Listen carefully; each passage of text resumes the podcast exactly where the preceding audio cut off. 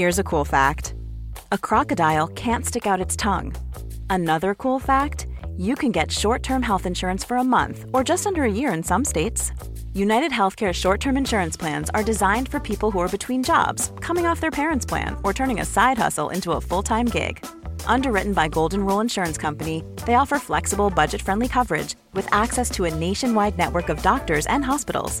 Get more cool facts about United Healthcare short term plans at uh1.com. Quality sleep is essential. That's why the Sleep Number Smart Bed is designed for your ever evolving sleep needs. Need a bed that's firmer or softer on either side? Helps you sleep at a comfortable temperature? Sleep Number Smart Beds let you individualize your comfort so you sleep better together. JD Power ranks Sleep Number number 1 in customer satisfaction with mattresses purchased in-store. And now, save 50% on the Sleep Number limited edition Smart Bed for a limited time. For JD Power 2023 award information, visit jdpower.com/awards. Only at a Sleep Number store or sleepnumber.com. There's never been a faster or easier way to start your weight loss journey than with PlushCare.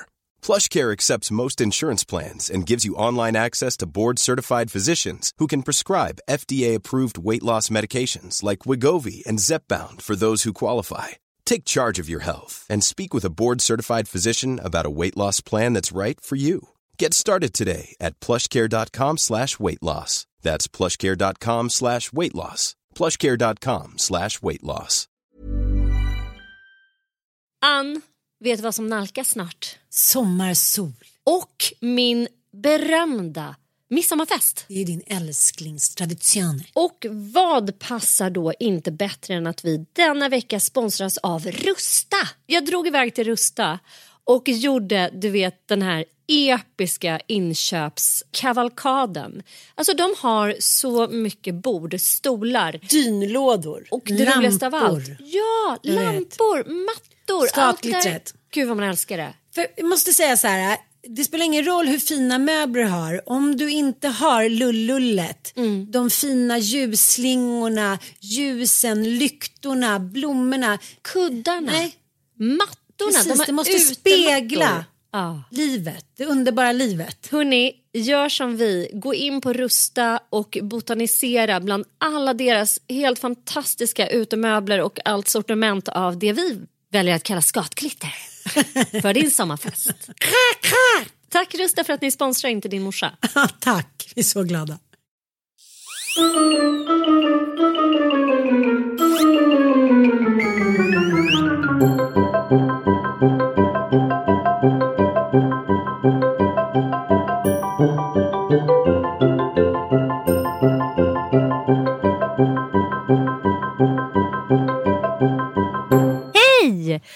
Välkomna till eh, podden Supermorsorna, det andra avsnittet med mig Sanna Lundell. Mig Ann Söderlund.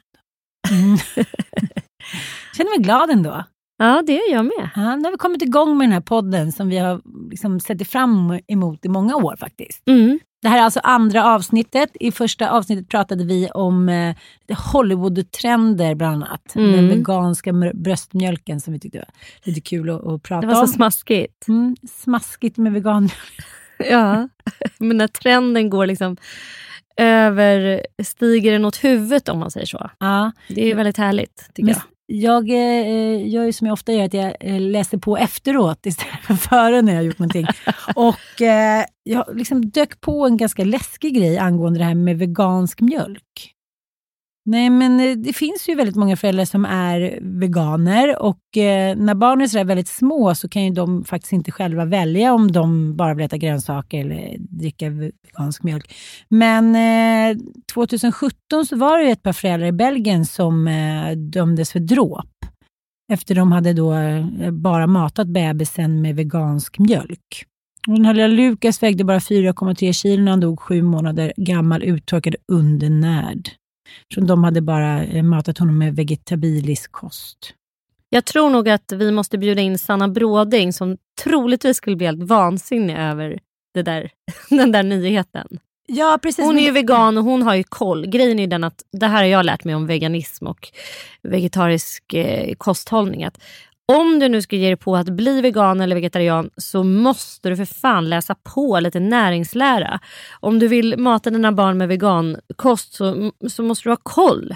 För det är absolut inte farligt att vara vegan. Tvärtom så visar alla studier som någonsin har gjorts. Det finns en, en eh, jättestor studie som heter The China Study som visar att vegansk kost är det som gör oss friskast. Och den, den är liksom oemotsagd den studien.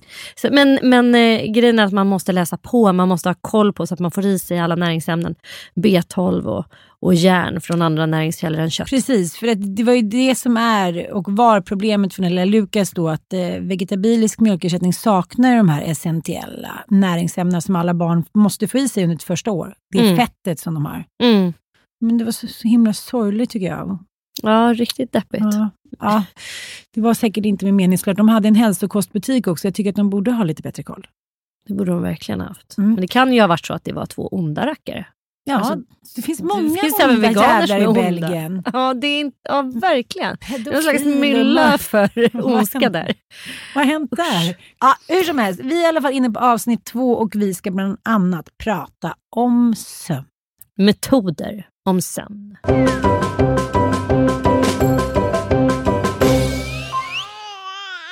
Jag har ju ett ämne som jag vill diskutera med dig som jag har sett framför allt faktiskt eh, diskuteras.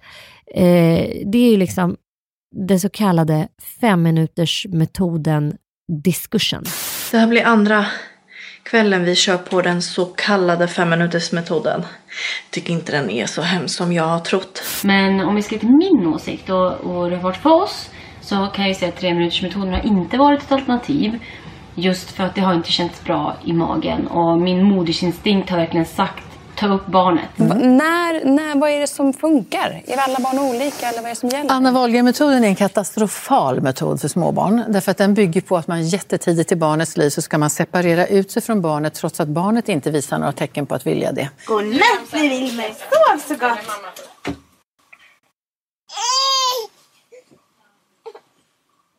Vi har ju en, en radda Instagram-kändisar som är då kraftigt för eller emot denna metod eller sömnmetoder av alla dess slag. Det är pros and cons, det är pros and cons och det är människor som hävdar att det är liksom rädda livet på dem eh, och människor som hävdar att det här är djupt barnplågeri. Att ägna sig åt eh, sömnmetoder, det vill säga att låta en liten bebis sova i en spjälsäng eller dylikt i eget rum hela natten utan att vakna upp. Det finns ju tusen sömnmetoder. Det gör det ju. Eh, och vi kan ju då... Linköpingsmetoden, vad var det nu igen? Vi har alltså- femminutersmetoden, vi har Anna Wahlgren-metoden, vi har The Sleep Lady som är jättestor i USA. Hon har skrivit mängder med Sleep böcker. Lady. Sleep Lady, hon har också en hemsida man kan gå in och betala för att vara med på workshops. Men allting går ut på samma sak egentligen, att vi ska lära våra barn att eh, sova ensamma. Barn har ju då en instinkt, vilket vi, det vet man nu med modern forskning, att liksom hud mot hud är mm. det allra bästa sättet att få ett spädbarn lugnt. Det är det allra lättaste sättet att få dem att somna och så vidare. Alltså vi är ju primater egentligen, mm. apor. Vi, våra ungar har en instinkt att vara på våra kroppar under sitt första år i stort sett. Men nu när Frasse föddes, så var ju, han är ju drygt två, det var första gången som barnmorskorna sa åt dig, hud mot hud, Nej, för att Mattias. andningen skulle fungera. Ja. ja, mig, ja men man ligger ju där. Men, men just det där att han skulle ta av sig tröjan när han skulle ta, eh, hålla i Frans. Jag vet. Det var första gången de sa det nu också. Och även till mig vid amningen. Och det är så amningsråd när de kommer in innan man ska åka hem från BB. Hud mot hud är jätteviktigt för att stimulera oxytocin. Eh, jo tack, shit Sherlock. Alltså, Nej. Det har vi vetat i liksom hur länge som helst. 2000 år. I 2000 år. Men hur som haver så eh, de här sömnmetoderna går ju då ut på att barnet ska läggas ner i sängen innan eh, de har somnat. Så att de inte ska då få somna med en tutte i käften och de ska liksom lära sig att somna själva och att då ett uppvak mitt i natten ska göra att de bara, är jag somnar om. Och kritikerna till de här metoderna, man ska då liksom natti natti säga någon ramsa, gå ut ur rummet. Mm. Barnet blir förtvivlat och ledset för att instinkterna säger att de ska vara på eller med sin förälder. Men det här är väl en blandning av Anna Wagen-metoden och Ja, femminutersmetoden? men alla de här metoderna Ja. går ju ut på att de ska ligga själva i egen säng. Ja, Mm. ja. Jag har aldrig hört några så här samsovningsmetoder. Eventuellt att sluta amma för att de ska sova hela nätter. Men när man samsover så verkar det inte vara så eh, viktigt med metoder. Utan det är att barnet ska sova ensam i ensam säng i ensamt rum och vara nöjda med det och inte gorma och skrika och ha sig. Då i alla fall så säger ju kritikerna att det man gör med barnen det är att eh, inpränta något som en psykolog Eh, inom psykologin så myntades begreppet inlärd hjälplöshet av Martin Seligman. Han, eh, 1967 så gjorde han ett eh, psykologiskt experiment på hundar och råttor.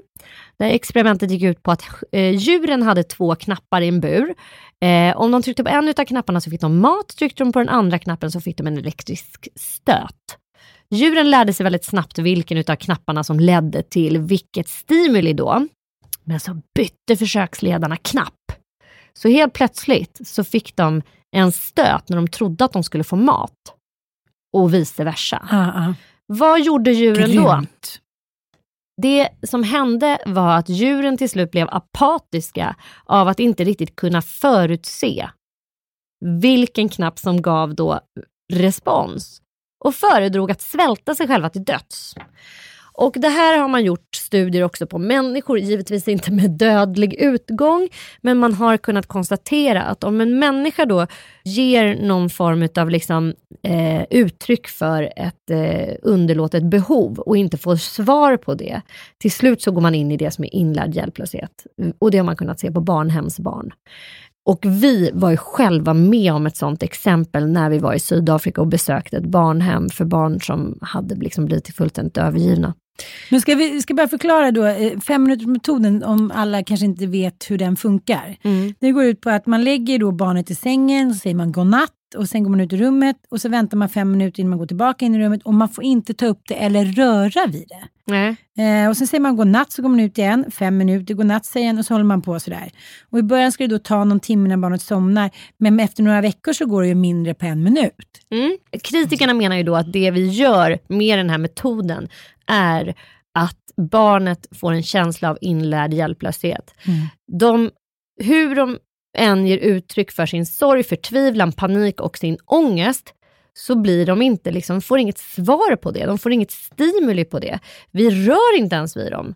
Vi ska helst inte trösta dem utan vi ska med en lugn och trygg stämma säga den här godnattramsan då igen. Bara gå in i rummet, visa att vi finns där. Så ska barnet då kunna lära sig att vi, ja, de ska vara trygga ändå på något sätt. Och det, problemet är att så här, vi vet ju inte vad barn tycker eller känner när de inte kan prata. Men det här är ett försvar som många vuxna använder också. Att säga, Mm. Vi kan inte projicera våra liksom, vuxna känslor. Vi har ingen aning om hur barnet liksom, känner. Men Mm. det är ju som att gå tillbaka till vilken, vilken jävla rasbiologi som helst. Och de har ju också testat det här på gäddor. Mhm. Jag tyckte det är så roligt. Att de har satt, liksom en, en, en, de har satt en glasskiva då mellan gäddorna och de små mörtarna och sånt som gäddan brukar äta. Mm. Och efter liksom tionde gången som gäddan försöker äta de här små mörtarna eller stimmen så inser den ju så här, det kommer inte ske. Jag kommer Mm. inte få den här maten och så svälter de ihjäl. Ja, men som sagt, vi måste backa bandet, för jag var inne på det. Vi var ju på ett barnhem när vi eh, tillsammans med SOS Barnbyar åkte till Sydafrika. Och där fick vi ju verkligen så erfara live vad som händer med barn som går in i den här in, inlärda hjälplösheten. Vi kom ju in i det här spädbarnsrummet, bara det var ju så här, alltså det var en sån, fy fan vad drabbande det var, måste jag säga. Det ligger liksom 12 spädbarn i spjälsängar. Mm. Och alla är tysta, förutom ett barn som gråter. Som precis har kommit Som, dit. nej, men hon, det visste vi ju inte först, utan vi var så här, åh gud, varför tar ingen upp den? Så här, varför, får vi ta upp den? Så här, och de, de var så här, ja det kan ni göra, fast he, ta hellre någon som inte gråter. Så här. Och så började vi ju liksom fråga, hur, vilka är de här barnen, hur länge har de varit här? Och så här. Och då visade det sig att det barnet som satt i den här sängen och grät, det var ju det barnet som hade varit där kortast tid. Mm. Så hon hade då liksom inte vant sig vid att hennes gråt inte, Inte ledde någon vart. Nej. Alltså hon hade inte lärt sig att eh, bli helt och hållet hjälplös. För att det hjälper inte att gråta, det hjälper inte att ge uttryck för sin vilja eller sin instinkt. Utan hon satt ju där helt förtvivlad. Och att se de här då barnhemsmammorna eh, sitta där och inte ge svar på det, det, det skapade sån ångest i mig. Alltså. Mm. Det var, Men det var ju också det enda sättet för dem att, överleva då. Ja, men de hade ju aldrig jobb. klarat av Nej. att ta hand om de här Nej. Mm. barnen om de inte hade gjort på det här viset. Så inget liksom ont över, över dem, utan det här var ju kanske det mest liksom harmoniska systemet som hade funkat, för annars hade det ju liksom varit eh, fullständigt ohållbart för dem. Men de andra barnen var ju så här, de skrek ju aldrig. Nej. De, det fanns liksom inte i deras... De la ner dem Värld. och sen så bara, även fast de inte var trötta så låg de bara och tittade, Tittade. apatiskt rätt ut. Mm. Och att, att liksom höra sitt eget skrik och man, ingen vuxen kommer in, det är som, då tror man att man sakta men säkert hör sig själv gny sig själv till döds. Så Mm. måste det ju vara. Men du har ju hamnat i eh, olika schismer med, med, med det här. De som försvarar det här försvarar ju med att det, ja, jag kommer inte klara om jag inte får sova. Eh, barnet blir tryggt om det vaknar upp och kan somna om själv. Mm. Vad finns det mer för försvar till den här metoden? Att Eh, barn behöver också få sova bra. mm, mm. Eh, och att barn liksom, ja men det finns ju mängder av människor som försvarar det här för att eh, den här metoden passar så himla bra in i, vår, eh, i, i, i vårt samhälle helt enkelt. Där vi ska vara produktiva och vi ska Eh, vi ska inte känna ångest överhuvudtaget, utan, utan vi ska vara liksom produktiva kuggar i maskineriet så att säga. Där vi har en åtta timmars god nattsömn bakom oss så vi kan vara på hugget dagarna i ända. Eh, och så. Ja, det är det det handlar Det om fattar igen. man ju, liksom, att så här, men gud, hela familjen fick ett nytt liv när vi gjorde Mm. fem minuter Nu kunde vi jobba mer och konsumera ännu mer. Mm, och vi kunde liksom, så himla bra, så här, barnen slutar skrika och så vidare. Och som menar att så här, mina barn är minsann så trygga och har blivit så bra människor så att så här, det, jag förstår inte varför det skulle vara ett problem och man vill hävda. Men jag vill säga bara, så, här, så länge det inte finns någon forskning eller liksom som kan bevisa för mig att det inte är inlärd hjälplöshet som inträder hos barn med de här metoderna. Som kan bevisa att det här leder till någonting bra. Förstår du? Då kommer jag aldrig kunna utsätta mina barn för det. De gångerna jag har försökt, och jag har faktiskt testat fem Mm, minuters metoden. Fast bara med, med mitt första Nej men det är ju Nej. liksom, det går inte. Nej. Jag känner instinktivt att det här är så jävla fel och det här är så sjukt och det är liksom, hur kan man ens låta sina barn ligga och skrika? Och det är också så här, vädra lungorna, jag pratade med, en kompis, hon hade några amerikanska vänner som är så här, de hade varit och hälsat på eh, hemma hos dem och de hade en ettåring som sov i en sån här resesäng. Alltså Mm. mina barn har aldrig ens kunnat ligga i en resesäng. De ligger Jag där har en på max vinden. Där har man inte alltid en resesäng som man aldrig använt. De är Liksom. så jävla otympliga De är jättetunga och de är hårda för dem att ligga i. Men framförallt så är det ju liksom en spjälsäng och spjälsängen är ju bara för barn som uh, har liksom blivit då inlärda i det här Mm. sova Jag har själv-systemet. haft många spelsängar också som har stått där som Mm. övergivna skepp. Aldrig funkat. Nej. Men, De är eh, söta men de funkar men inte. jag tänker så här. det Men i alla fall, Ja. jag måste bara säga, hon hade haft en amerikanskt par som var polare till henne på besök. Och de, hon låg då i spjälsängen och morsan gick ut på morgonen, pappan var ute och joggade och mamma gick ut och tog en kaffe. Och min kompis då hörde liksom att den här ettåringen bara låg och vrålade inne i sovrummet, i gästrummet, där de alla hade sovit. Hon bara, "Eh, what's wrong? Så här, no, she only has her cry out time. Jaha, det var, fanns ett ord. Det var såhär, fanns ett cry för out det. time. She needs to cry out. Och hon bara, what? Eh, så här, jaha, att vi ens i vår kultur har så här myntat att det ska ligga Mm. liksom, barn behöver få skrika, cry out time, vad fan är det? Men vadå, hon hade en, en sån, när hon kände sig övergiven, då började hon såklart skrika. Och då Ja. hade de så här, Pappan var borta ur rummet, mamman gick ut och, och, i köket för att i lugn och ro få dricka sin morgonkaffe. Och då fick hon ha en cry out time. Varje morgon då, kan man ju tänka sig. Men du vet, det är så här, man har ju det instinktiva, men man kan också leva i liksom en kultur där det instinktiva på något sätt sakta men säkert har nötts bort. Ja, Mm. är så undertryckt så att man tror det själv. Det Mm. finns liksom tusen bevis varje dag överallt Mm. om över- liksom, sådana grejer. Konstigheter som vi accepterar. Ja, Men jag vill mena verkligen, här tar jag ställning. Mm. Det gör jag. ja. Jag tycker inte det här är sunt. Jag vill inte höra små barn som ska ha cry Nej, out time. nej, det klarar inte jag heller. Sen, sen är det ju så att jag har ju flera vänner där det här har lyckats bra och barnen har somnat tidigt. Men de har ju börjat med det helt bisarrt tidigt, typ efter sex veckor. Som att de inte är hjälplösa enough eller? Men de ska liksom redan vid sex veckors ålder förstå att så här, det är ingen idé för dig att gråta för då blir du inte upplockad. Nej, men, men, men det är svårt att, att döma när det, vi är alla olika känsliga Jo, jag för... gör det. Jo, men du göra det då. jag vill inte vara så dömande här. Nej, jag, jag, där är, du och jag är ju lika där. Eh, vi har väldigt svårt... Eh, Vi samsov ju Ja, det gör ju vi och med. ammar ihjäl. Döm oss gärna. Vi här, dåliga, vi skulle varit lite mer olika när det gäller de här grejerna. Det skulle vi. Ja. Men just när det gäller inlärd hjälplöshet, jag tycker ni allihopa kan ta och googla på inlärd Mm. hjälplöshet och läsa på lite grann om vad det är och vad det gör med människor och vad man tror att det också skapar framåt i livet. Eh, Det finns ju Alltså man har ju eh, använt den här termen också i samhällsdebatten för att eh, beskriva typ vad som händer i bruksmiljöer. Där det har varit väldigt strikt hierarkiskt och där det har gått ut på att man i stort sett har levt som livegen. Det här var ju under, under tiden när, när det fanns väldigt mycket bruk runt om i Sverige, järnbruk och skogsbruk och så vidare. Pappersbruk. Eh, auktoritärt styre. Det skapar alltså miljöer där människors naturliga initiativkraft försvagas väldigt mycket.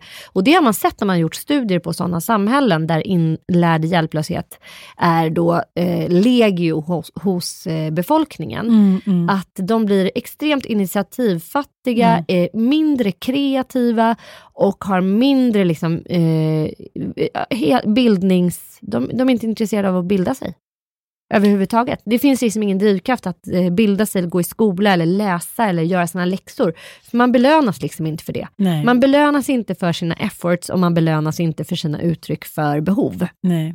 Vilket gör att man bara människor. eh, går in i ett så här frystillstånd. Mm.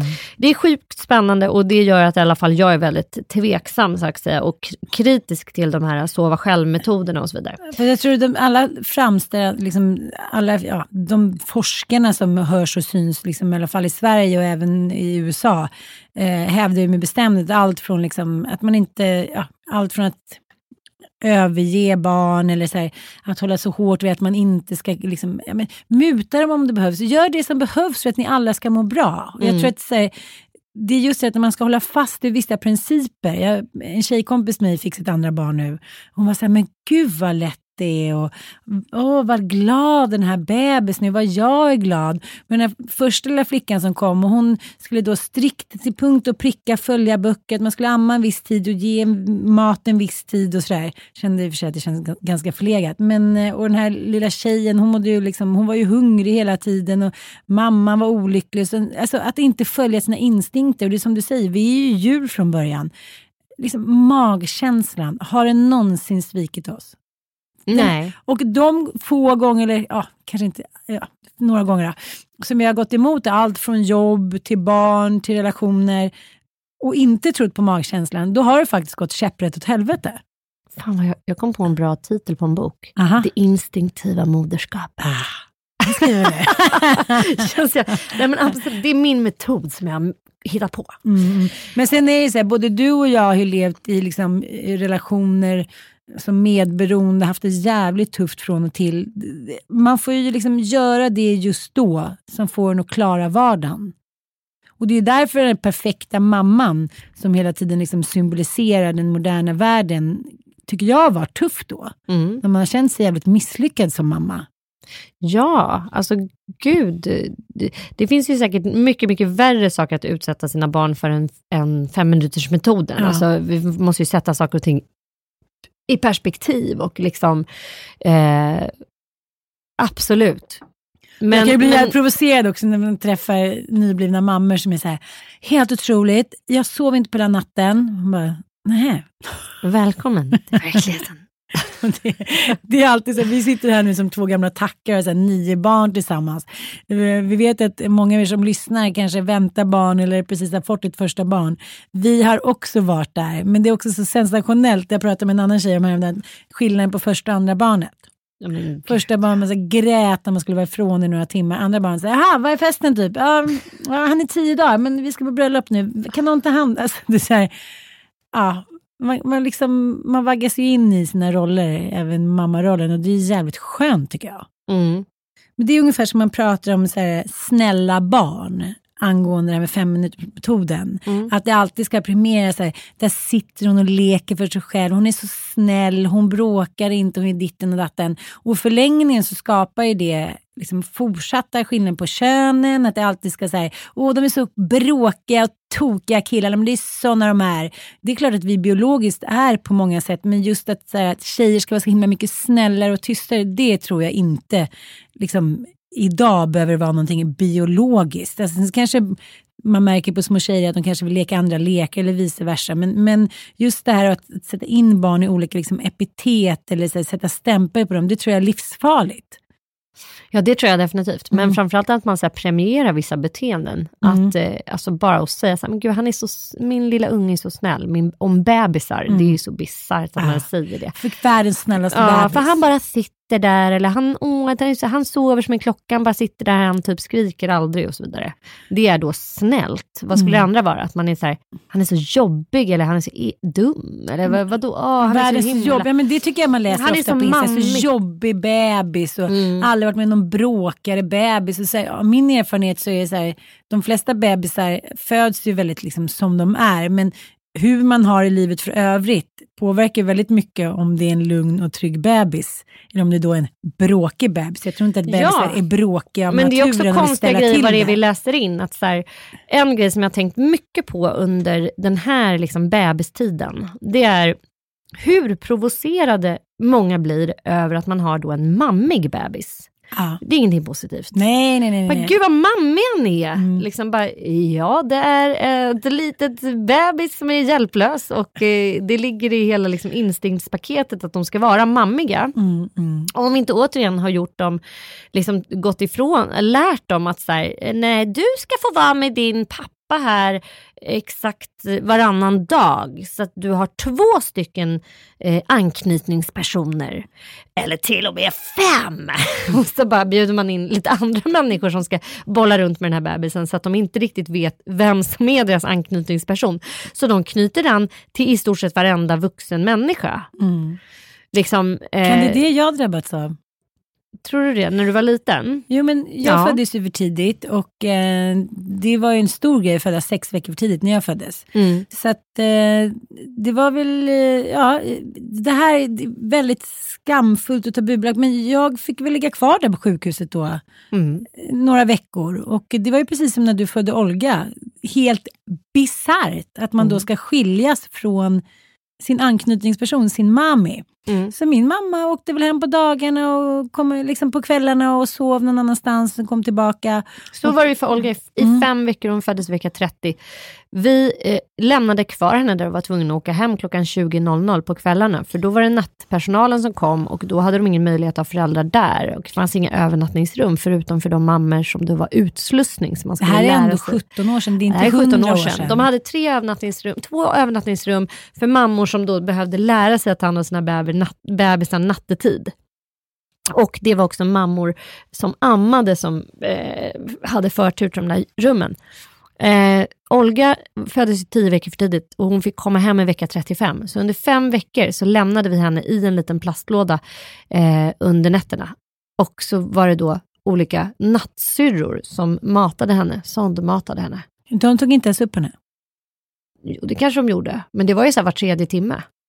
Där kan man verkligen snacka om inlärd hjälplöshet. Och som du säger, alltså hon hade ju inte alls eh, samma anknytning till mig och Ville som mina andra barn har haft. Alltså Nej. att de är i stort sett så här, som små, Hundvalpar. hu- nej men liksom he, som, apbarn Ah, som bara så här, ah. Så fort Ah. man lägger ifrån sig dem. Mm. Utan det gick alldeles utmärkt. Hon ville inte äta eh, i famnen. Hon ville ligga själv och ha en kudde och nappflaska. Annars blev hon stressad. Hon blev väldigt stressad av ögonkontakt när hon åt. Det är klart. Hon var inte van vid det. Nej, men, men eh, sen, alltså, när vi fråga. tvingade henne till det här, liksom, Aha. bara för att skapa anknytning. Och där såg man verkligen att hade vi inte gått med, alltså forced anknytningen på henne, så hade hon kunnat bli en sån där liten fem minuters bebis som låg i spjälsäng och var jättesnäll och eh, liksom kunde vara hos alla och jätteenkel att ha hos barnvakt. Men jag tvingade på henne den där anknytningen. Jag vägrade låta henne ligga själv. Och jag tog upp henne och jag höll henne och jag sov med henne. Och där hade jag och Ville fight. Han bara, det är jättebra hon sover i egen säng. Nej, hon ska sova med mig. Och Hon var liksom redan inlärd. Ja, ja hon, var ju, hon var ju då en sån där perfekt snäll bebis när vi fick hem henne. Och sen blev hon inte det längre för att jag vägrade det. Och, Du eh, omprogrammerade henne. omprogrammerade henne. Och sen hade hon ju otroligt stark anknytning. Det var ju som att hon tog igen. Aha. Och Wow. jag, jag tror att barn, men hon hade också väldigt stark anknytning till, till sin pappa. Ja. Vilket var bra. Men Man du kan som, en, ha- ja, men ha du som liksom ändå flera. är en så stark och kan vara en ganska bråkig person. När du åkte hem eh, klockan åtta, eller var det åtta eller fem? Åtta. På Liksom idag, om någon sa att du skulle lämna Foxen, som Mm. var nyfödd, och sa, nu får du åka hem med Micke ut till huset. Då skulle du hellre faktiskt hoppa från ett tak. Mm. i stort sett. Så då måste du också förstå det här socialt betingade och att det är så här, nu är det så. Mm. Det är ungefär som varenda jävla reform i det här landet som vi har pratat om innan. Allt från rökning till sambeskattning hit och dit. Och jag tänkte att det kommer aldrig gå vänstertrafik, vi och högertrafik, vi kommer irra omkring som så här, hönor ute i trafiken. Jaha, det tar några veckor och sen så... Det krävs ju arga jävlar. Det krävs ju liksom människor då som vågar vara kärringen motvalls och kliva upp där på neonatalen och vara förbannade och bara, det är klart att jag inte tänker lämna mitt barn. Mm, mm. Fuck you, jag stannar kvar. Jag sitter, om jag så ska sitta i liksom foajén hela nätterna. Det gjorde inte jag, för att man är ju som sagt, eh, jag tror att vi svenskar lite till mans Mm. är eh, fogade i det här inlös, eller i, i det här inlärda hjälplösheten, att vi liksom inte ska göra motstånd, utan så här, nu har staten bestämt det här, då är det jättebra. Och man ska ju naturligtvis vara jävligt tacksam att man ens har neonatalvård på den nivå vi har i Sverige. Men man vet ju det nu, det är inte så här att de bara, men det är så mycket mysigare om mammorna. De har ju konstaterat att barnen blir ju så jävla mycket friskare av att ha sina mammor närvarande. På den tiden, det var precis då kängurumetoden hade kom, kommit. Innan dess så låg ju för tidigt födda barn i kuvös, fast de inte ens behövde det. Så när jag kom, då fick vi ändå köra kängurumetoden. De bara, det här är helt nytt. Så då får ni gärna ta av er på överkroppen och så sitter ni hud mot hud med det här lilla. För det har gjorts studier, fattar ni att det, liksom allt som har naturvetenskapligt och medicinskt, liksom, det måste ju då göras studier. Att de barnen som fick ligga känguru, de hade mycket bättre tillväxtkurva, de fick färre beteendeproblem, mindre ADHD-diagnoser i vuxen ålder genom att få ligga känguru. De, för att för tidigt födda barn har mycket högre risk att till exempel få ADHD eller Mm. andra beteendeförändringar. Och man bara, jaha, gud vad konstigt, vi bara låter dem ligga helt ensamma i en kuvös fast det är så här. Så de bara, kängurumetoden, ja men nu har vi, nu, nu har vi liksom implementerat den i vårt arbete för den visar sig vara väldigt funktionell för att undvika, alltså det är så jävla sjukt. Men jag förstår inte varför, hur kan det vara så svårt för mänskligheten sen vid liksom industrialiseringen att se på vår miljö och våra barn och vår familj på det sättet som vi alltid har sett på det innan. Helt plötsligt så började vi stå i fabrikerna och då skulle barnen också bli moderna och bli liksom som små maskiner. Det är, det är liksom som du, hundratusentals år av moderskap och faderskap bara suddades ut över en natt ja. Det är märkligt. Alltså, märkligt. liksom, tänk så här, take notice känner jag bara. Så här, hur enkelt det är att bara så här, lyssna på andra. Allt från så det är också det att det alltid varit så fint. Så lärare och läkare det är liksom, och polisen. Inte sätta oss upp mot. Ja, nej, det är de som har liksom varit eh, samhällets ryggrad. Jag kan fortfarande känna ibland när man hamnar i situationer som har med liksom barnen att göra, allt från liksom, ja, men sjukhus till ja, men psykiatrin eller någonting, att så här, det är jag och ammen, att man så här, pusha på sig själv, precis som när man åker skidor. Så här, du kan lite mer, du kan vara lite snabbare, lite mer teknisk. Att det är så här, lätt att liksom hamna i den där skam och skuldfällan. Så här, ja, jag har varit en dålig mor nu, så nu måste jag lyssna på dem som är auktoritära. Och, Ja, men det kommer mig osökt till ett, äh, äh, en rubrik som lyder enligt följande. De manliga forskarna.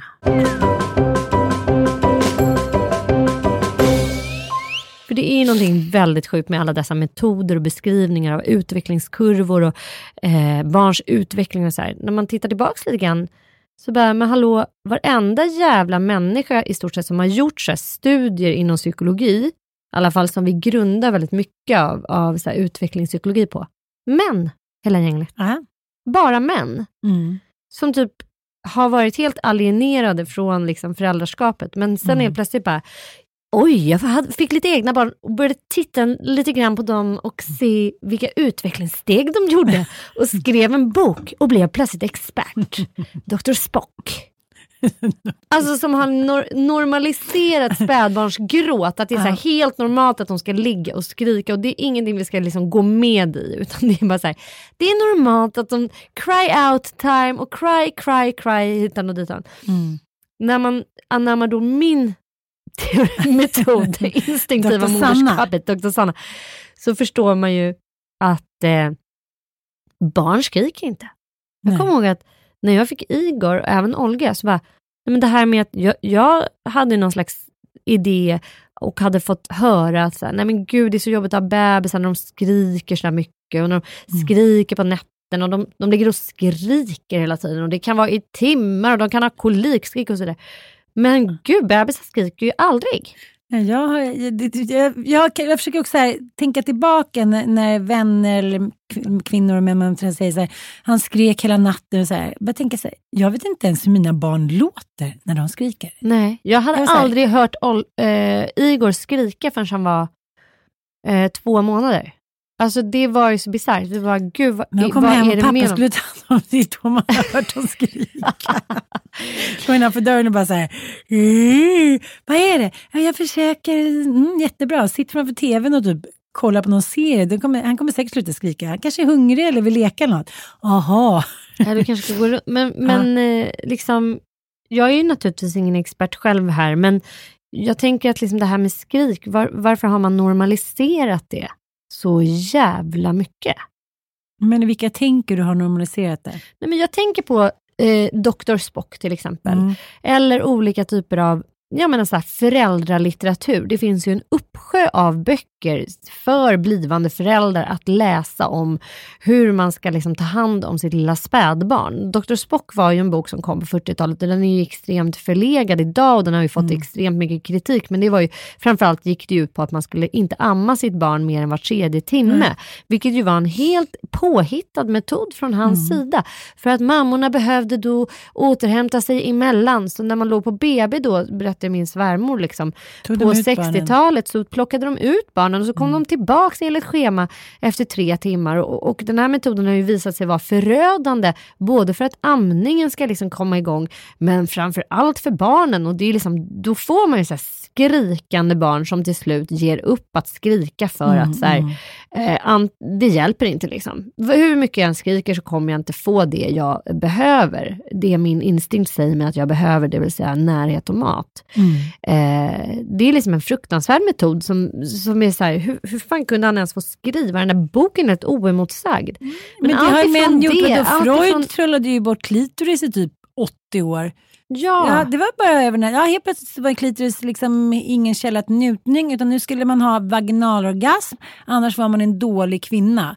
Och det här är ju liksom, när det här Mm. det var fram- outvecklade orgasmer Ja, ja. med klitoris och Det har jag inte märkt. Det är ingen som har märkt det. Det är liksom... Det är så att han inte hade på på sin kammare, det är så jävla sjukt. Mm. Och, och han hade ju också extremt bisarra teorier om spädbarn och, liksom, och också väldigt mycket de här männen att man ska inte få vara med sitt spädbarn. Mycket handlar om att de ska läggas undan med dem. Så att männen på något sätt ska Mm. få fri tillgång till den här morsan som Ja. nu har blivit av med den här kaggen så att de ska få ligga med dem igen. Och ha dem för sig allt. själva i Ja. sängen. Det är liksom det det går ut på. De känner sig utkonkurrerade. Tusen år av Mm. Och då bara ensamhet. skriver de en barnuppfostringsbok som går ut på att så här, placera spädbarnet så långt ifrån det som möjligt. Gärna en liten så här, Balkongen.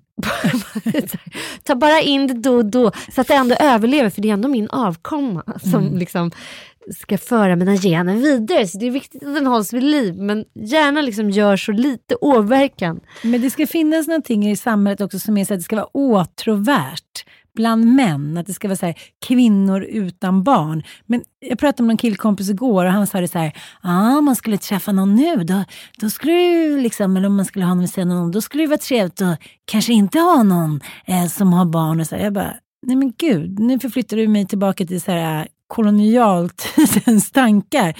Att att det fortfarande är så att, att kvinnor då, de, liksom, eh, de är besudlade när de eh, har fått barn. Du vet, ja, då är det, liksom, det är alldeles som det var innan. Det är samma sak det där igen, man måste problematisera moderskapet eller föräldraskapet. Det är som det alltid har varit. Man ligger med varandra, man älskar varandra, det blir barn. Det finns inget före eller efter, det finns bara så här det är en del av livet bara, ja. under tiden. Och ni män som lyssnar på den här ni får fan ta och jobba lite mer liksom, bilden av den så här, mamman, tycker jag. Mm. Många verkar ha, ja, kom ihåg innan, nu är hon sur och tvär och ställer massa krav. Horan och madonnan. Ja, ja. Mm, annat var det innan va? Mm. Mm, nej, jag håller med. Ja. Det, är, det är som sagt en så här, det är bara en helt jävla naturlig del av livet. Men jag har själv, liksom... jag själv liksom blivit lite att innan man får barnen då är man liksom mer en prinsessa. Då kan man behandlas och respekteras och då ska det smöras lite. Det ska ges både hitan och ditan och presenter och kärlek och slickerick och bla bla. Och sen när man blir mamma då är det så här, ah, men nu hon ville bli mamma. Det tycker hon, hon är lite nöjd med den där rollen så vi, jag behöver inte bjucka till så mycket. Tycker du att det är så? Nej, men jag tycker liksom, nu överdriver jag, men, men vadå? Du menar själv att så här, i dina relationer som du har fått barn, har varit, tycker du att du har fått samma liksom, uppvaktning? Mm, jag tycker i alla fall att jag har inte lyckats träffa män som har varit så här horan och madonna-grejer. För det har man ju hört om män som liksom ja. bara så här, Åh, hon blev mamma, det vill säga nu kan nej, jag inte tända dig längre. Nej, typ. nej, det har inte heller varit. Alltså, Under graviditeten var jag, första graviditeten var jag med om det. Rädslan. Men Rädslan då handlade ju det om hans egna, liksom, eh, han hade inte gjort upp med sin egen barndom och de såren som var kvar. Mm. Och de männen är livsfarliga. Ja men definitivt. Men det är också framförallt så här, eget, det är jävligt viktigt att eh, poängtera det på något sätt. Eller understryka att så här, det handlar liksom om mannens issues. Ta tag i mm. dem själv. Liksom, innan, gå inte tack. in i det själv. Gärna mm. innan du ja, gör något på smällen. Ja. Men också att så här, jag har ju hört det väldigt många säga, nej men gud och förlossningen var erotikdödare och det är liksom en erotikdödare med liksom småbarnsåren och så vidare. Liksom. Och så här, det kanske det kan vara, men kan, det kanske kan vara av liksom rent fysiska och eh, så här, hormonella skäl. Men att liksom bilden av sin kvinna då ska så här, besudlas bara för att hon har blivit en barnaföderska. Alltså den, den så att säga Förstår du vad jag menar? Den, mm. den det, känns också medeltida. det känns så jävla medeltida. Liksom, Läs här, mamma. Oj, du gick från min lilla söta, eh, mm. oh, så här, som jag har satt upp på en piedestal till att bli en mamma. Mm. Oh, nu kan inte jag liksom, nu går inte jag igång på dig längre. Det Nej, det har inte jag heller varit med om. Men, men Nej, det har varit väldigt stor skillnad på den sexuella efterdebuten från första till femte barnet. Man har hört så här, jag vet inte om det är råttan i pizzan, men säger ah, mina kompisar som är barnmorskor så kom in och så låg de med varandra bara några timmar efter förlossningen. De var väldigt unga i och för sig, men man säger va? Några nu skulle man heller liksom, don't touch God. me. Men eh, efter första förlossningen, då tror jag att jag hade sex bara så här, tio dagar efter förlossningen, så någon vecka. Gud, avslag. Ja, det var inget som man bangade på. Nu är det åratal efter va? åratal. Frasse jungfrufödsel. Åratal. Jag har inte sagt något. Many of us have those stubborn pounds that seem impossible to lose, no matter how good we eat or how hard we work out. My solution is plush care. PlushCare is a leading telehealth provider with doctors who are there for you day and night to partner with you in your weight loss journey. They can prescribe FDA-approved weight loss medications like Wagovi and Zepbound for those who qualify. Plus, they accept most insurance plans. To get started, visit plushcare.com slash weight loss. That's plushcare.com slash weight loss. Quality sleep is essential. That's why the Sleep Number smart bed is designed for your ever-evolving sleep needs. Need a bed that's firmer or softer on either side? Helps you sleep at a comfortable temperature? Sleep Number smart beds let you individualize your comfort so you sleep better together. JD Power ranks Sleep Number number 1 in customer satisfaction with mattresses purchased in-store. And now, save 50% on the Sleep Number limited edition Smart Bed for a limited time. For JD Power 2023 award information, visit jdpower.com/awards. Only at a Sleep Number store or sleepnumber.com. Hiring for your small business? If you're not looking for professionals on LinkedIn, you're looking in the wrong place. That's like looking for your car keys in a fish tank. LinkedIn helps you hire professionals you can't find anywhere else, even those who aren't actively searching for a new job but might be open to the perfect role. In a given month, over 70% of LinkedIn users don't even visit other leading job sites. So start looking in the right place. With LinkedIn, you can hire professionals like a professional. Post your free job on linkedin.com slash people today. Life is full of awesome what ifs, and some not so much, like unexpected medical costs. That's why United Healthcare provides Health Protector Guard fixed indemnity insurance plans to supplement your primary plan and help manage out of pocket costs. Learn more at uh1.com.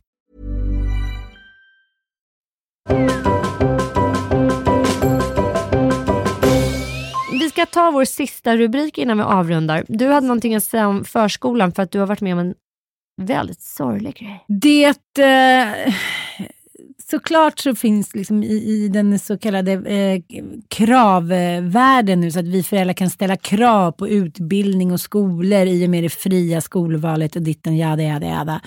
Så blir det också, tycker jag, eh, jag tycker vi creddar då förskol, förskolelärarna för lite. Mm. De är bara så, vi tar för givet så jävla mycket. Vi tar för givet att någon ska älska våra barn. Vi tar för givet att någon ska säga, se till att de har det bra och acceptera våra, våra tillkortakommanden. Man kommer lite sent, man har bråttom, man har glömt vantar. Så här, det fixar vi. Man är bara så här, åh tack så jättemycket. Så här, jag, jag känner själv nu när eh, en av förskollärarna som var lite så här, ja, men stommen i förskoleklassen slutade. Att jag bara tänkte lite så här själviskt, vem ska nu vem ska nu så här, älska mina barn lika mycket som jag gör? Och vem ska nu så här, hjälpa mig när jag är lite utsatt och är lite sen eller behöver någons hjälp? Så bara, men gud, vad håller du på med? Men, men eh, det, det enda jag vill säga med det är egentligen att säga vilka jävla hjältinnor de här kvinnorna är.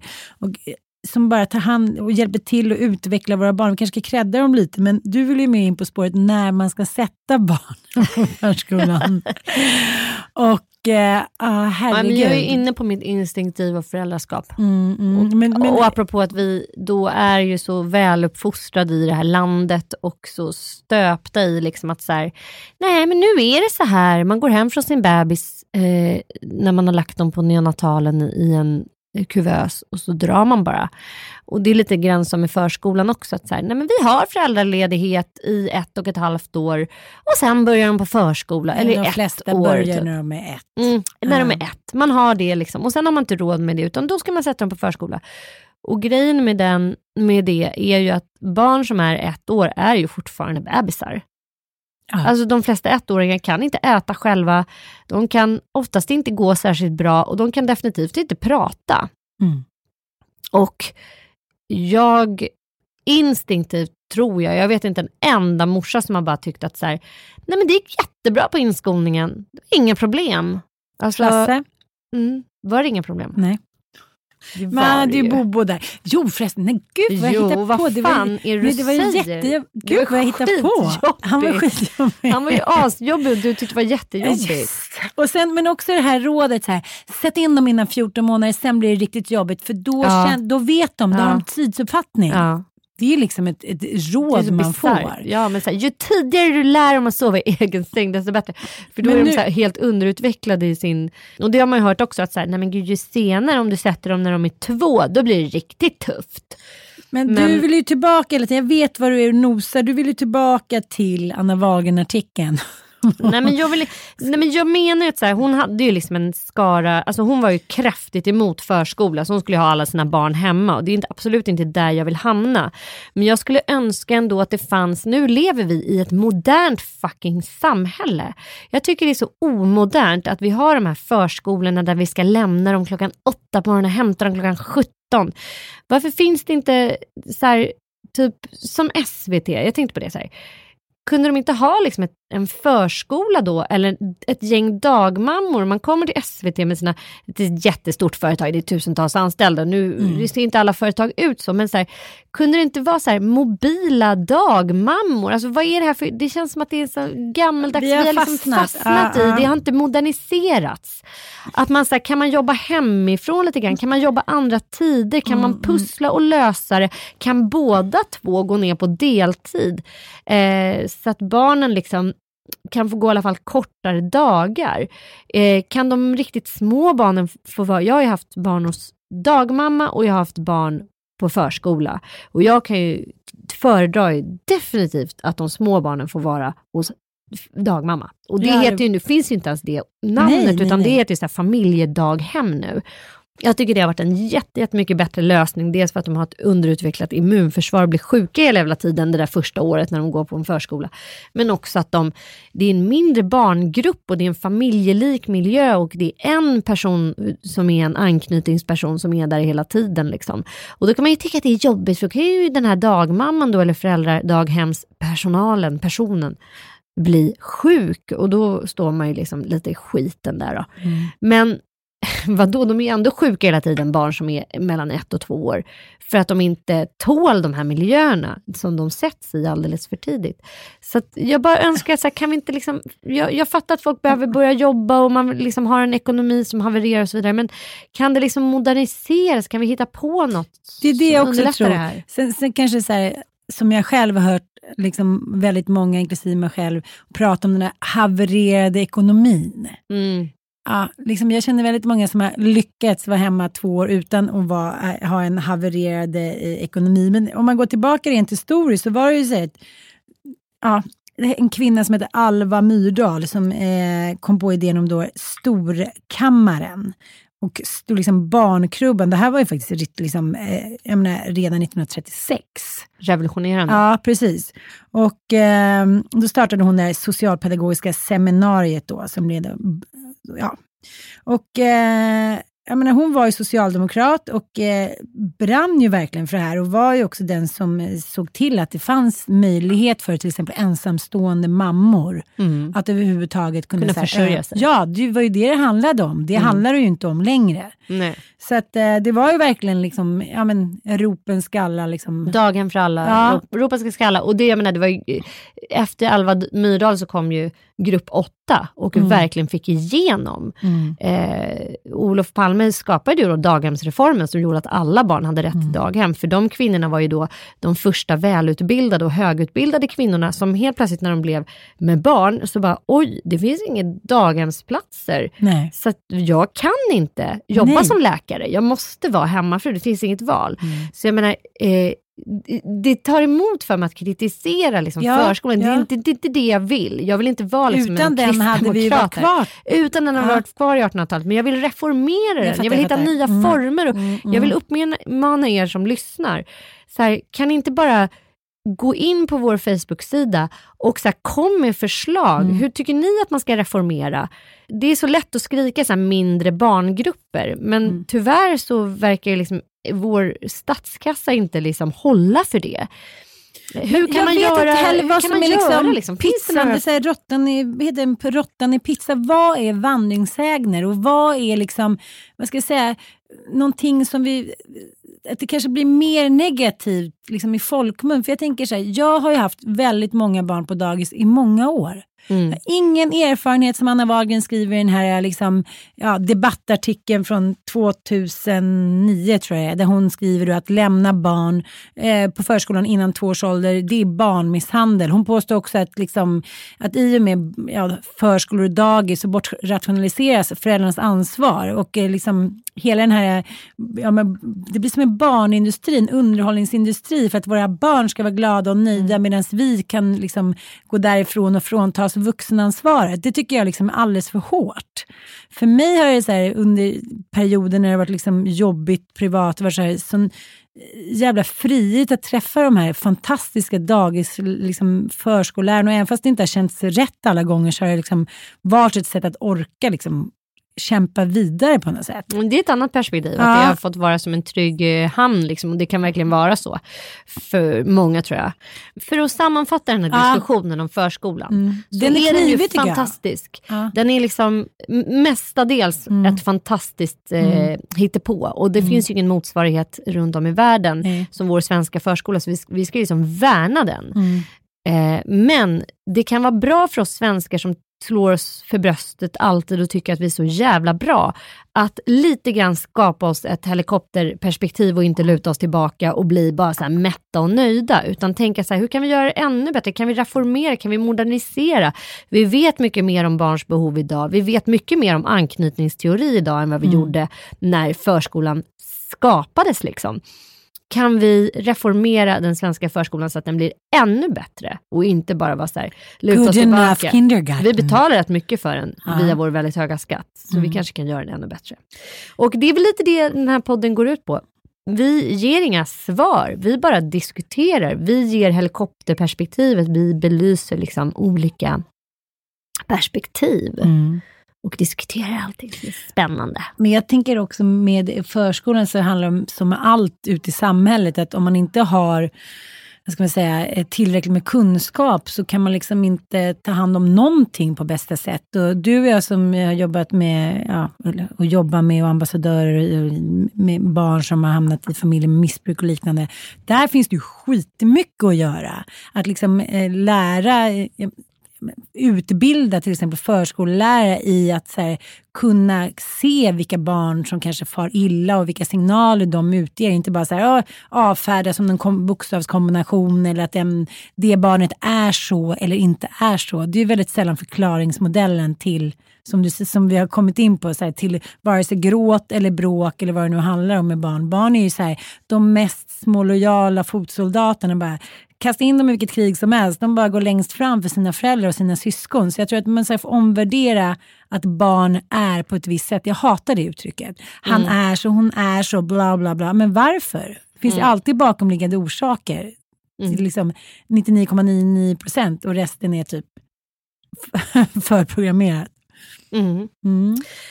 Hörni, det här var det andra avsnittet av podden Supermorsorna. Tack snälla för att ni har lyssnat. Gå jättegärna in på vår Facebook-sida.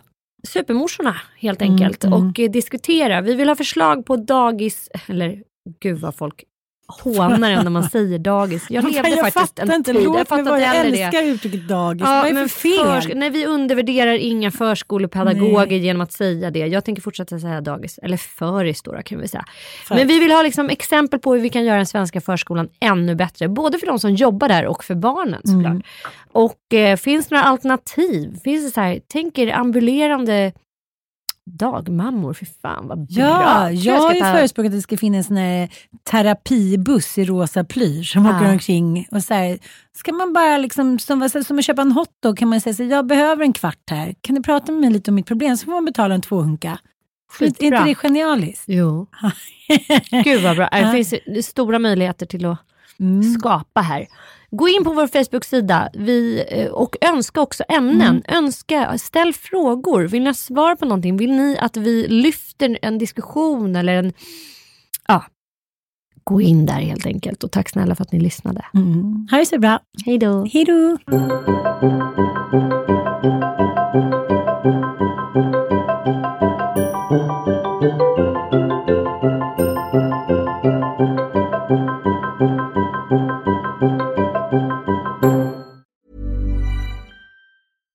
Hey, it's Paige DeSorbo from Giggly Squad. High quality fashion without the price tag. Say hello to Quince. I'm snagging high-end essentials like cozy cashmere sweaters, sleek leather jackets, fine jewelry, and so much more. With Quince being 50 to 80% less than similar brands. And they partner with factories that prioritize safe, ethical, and responsible manufacturing. I love that. Luxury quality within reach. Go to quince.com slash style to get free shipping and 365 day returns on your next order. Quince.com slash style. Imagine the softest sheets you've ever felt. Now imagine them getting even softer over time. That's what you'll feel with Bowl and Branch's organic cotton sheets. In a recent customer survey, 96% replied that Bowl and Branch sheets get softer with every wash. Start getting your best night's sleep in these sheets that get softer and softer for years to come. Try their sheets with a 30-night guarantee. Plus, get 15% off your first order at bowlandbranch.com. Code BUTTERY. Exclusions apply. See site for details. When you make decisions for your company, you look for the no-brainers. And if you have a lot of mailing to do, stamps.com is the ultimate no-brainer. It streamlines your processes to make your business more efficient, which makes you less busy. Mail checks, invoices, legal documents, and everything you need to keep your business running with stamps.com. Seamlessly connect with every major marketplace and shopping cart. Schedule package pickups and see your cheapest and fastest shipping options from different carriers with rates up to 89% off USPS and UPS rates. And with the stamps.com mobile app, you can take care of mailing and shipping wherever you are. Make the same no-brainer decision as over 1 million other businesses with stamps.com. Sign up with code program for a 4-week trial plus free postage and a free digital scale. No long-term commitments or contracts. That's stamps.com. Code program.